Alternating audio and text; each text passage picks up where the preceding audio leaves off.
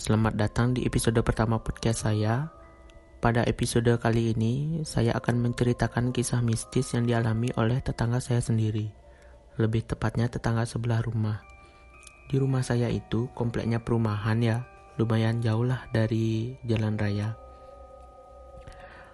Tetangga saya yang ngalamin kejadian ini cowok, umurnya sekitar 25 tahunan, sebut aja namanya Kadek. Kejadian ini terjadi beberapa tahun yang lalu. Si Kadek ini sering pulang malam sekitar jam 2 atau 3-an. Biasa habis nongkrong sama teman-temannya. Nah, jadi ceritanya tuh waktu itu si Kadek ini nyampe rumah sekitar jam 2-an. Dia udah buka gerbang dan masukin motornya ke dalam. Tapi setelah itu pergi lagi.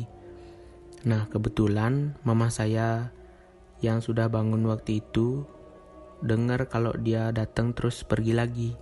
Mama saya di situ sempat bingung, kok sudah nyampe terus pergi lagi, gitu kata mama saya.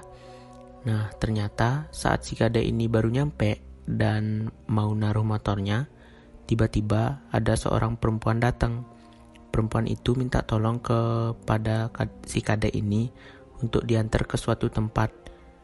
Kadek nanya sama perempuan itu, kok sendirian mbak malam-malam begini. Terus perempuan itu bilang iya mas bisa minta tolong antar ke sana mas. Uh, si kadek ini bingung mau mau nganter ke mana tapi karena kasihan lihat perempuan jalan sendiri malam-malam akhirnya kadek tutup gerbangnya lagi dan nganter perempuan itu. Awalnya si kadek ini nggak ada mikir hal aneh-aneh sih. Nah pas di perjalanan si kadek ini udah mulai ngerasa janggal ngerasa ada yang janggal gitu sama perempuan ini uh, janggalnya tuh pas di perjalanan kadek ini merasa ringan banget uh, kayak nggak ada beban gitu gonceng perempuan ini. Terus uh, saat kadek ini lihat temennya nongkrong di kedai kan kedainya tuh ada di pinggir jalan dia uh, si kadek ini siapa teman-temannya pas lewat kedai itu. Tapi teman-temannya nggak ada yang noleh sama sekali. Kayak nggak ada yang lewat gitu. Nah dari situlah si kadek ini merasa ada yang janggal sama perempuan ini. Si perempuan ini minta untuk diberhentikan di suatu tempat. Oh iya pas di perjalanan perempuan itu nggak ada bicara sepatah kata pun Perempuan itu bicara cuma pada saat nunjukin arah jalan doang.